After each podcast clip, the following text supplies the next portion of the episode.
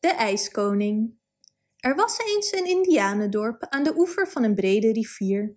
In de lente, zomer en herfst waren de bewoners erg gelukkig. Er was genoeg hout en voedsel in de diepe bossen en de rivier gaf uitstekende vis. Maar de indianen vreesden de maanden waarin de ijskoning regeerde. Eén winter was het verschrikkelijk koud en leden de mensen in het dorp afschuwelijk. De ijskoning had de noorderwind meegenomen en het bos was bedekt met een enorm pak sneeuw. Daarnaast was de rivier met zo'n dikke laag ijs bedekt dat de indianen vreesden dat het nooit meer zou smelten. Hierdoor was het erg lastig om iedereen in de wigwams te voeden. Wanneer zal de ijskoning ons verlaten? vroegen ze aan elkaar.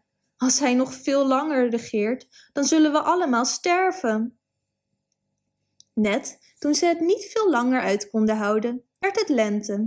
De sneeuw begon te smelten en het ijs in de rivier brak in grote stukken.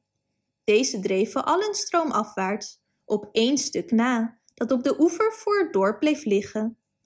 Toen de indianen zagen dat de lentezon het ijs niet deed smelten, werden zij angstig. Het is het huis van de ijskoning, zeiden ze tegen elkaar. Zolang hij hier is, zal het nooit meer warm worden.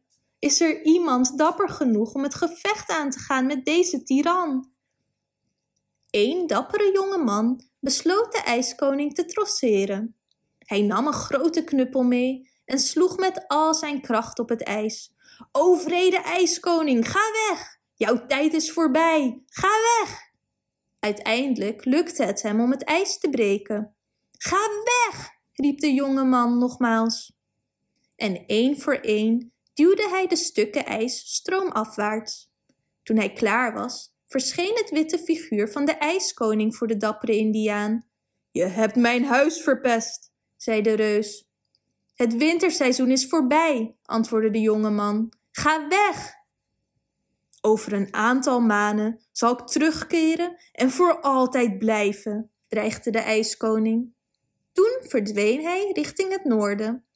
De mensen in het dorp waren blij dat de dappere jonge man de reus had verslagen, maar ze waren ook angstig door de dreigementen van de ijskoning. Ik zal mij voorbereiden op een nieuw duel, sprak de indiaan.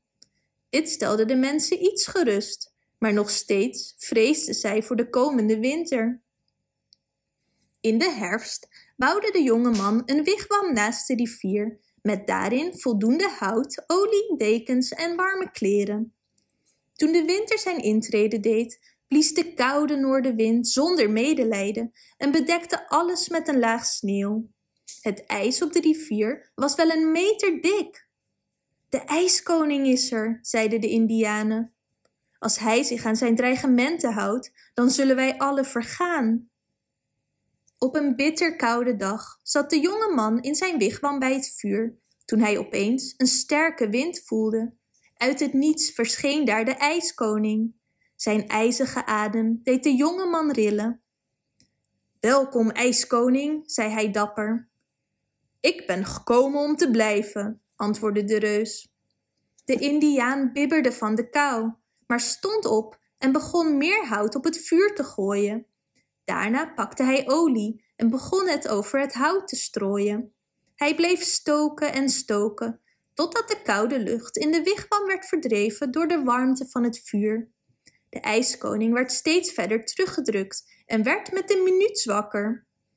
Zijn ijzige veren op zijn hoed stonden niet langer vier overeind, maar hingen voor zijn ogen en het zweet gutste over zijn gezicht. De dappere indiaan bleef maar stoken, Spaar mij, schreeuwde de ijskoning. Maar de jonge man had geen medelijden en gooide meer olie op het vuur. Heb medelijden, ik smeek het je, pleitte de ijskoning. Hij stond op en strompelde naar de deur. Je hebt mij overwonnen, zei hij met een zwakke stem. Ik zal vertrekken. Vanaf nu zal ik niet langer proberen om het hele jaar over jullie te regeren. Mijn seizoen zal slechts drie maanden duren.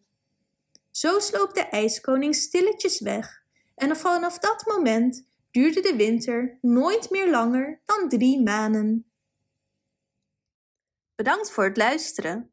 Wist je dat je dit verhaal ook op onze website ririro.com/nl kunt lezen, downloaden en printen?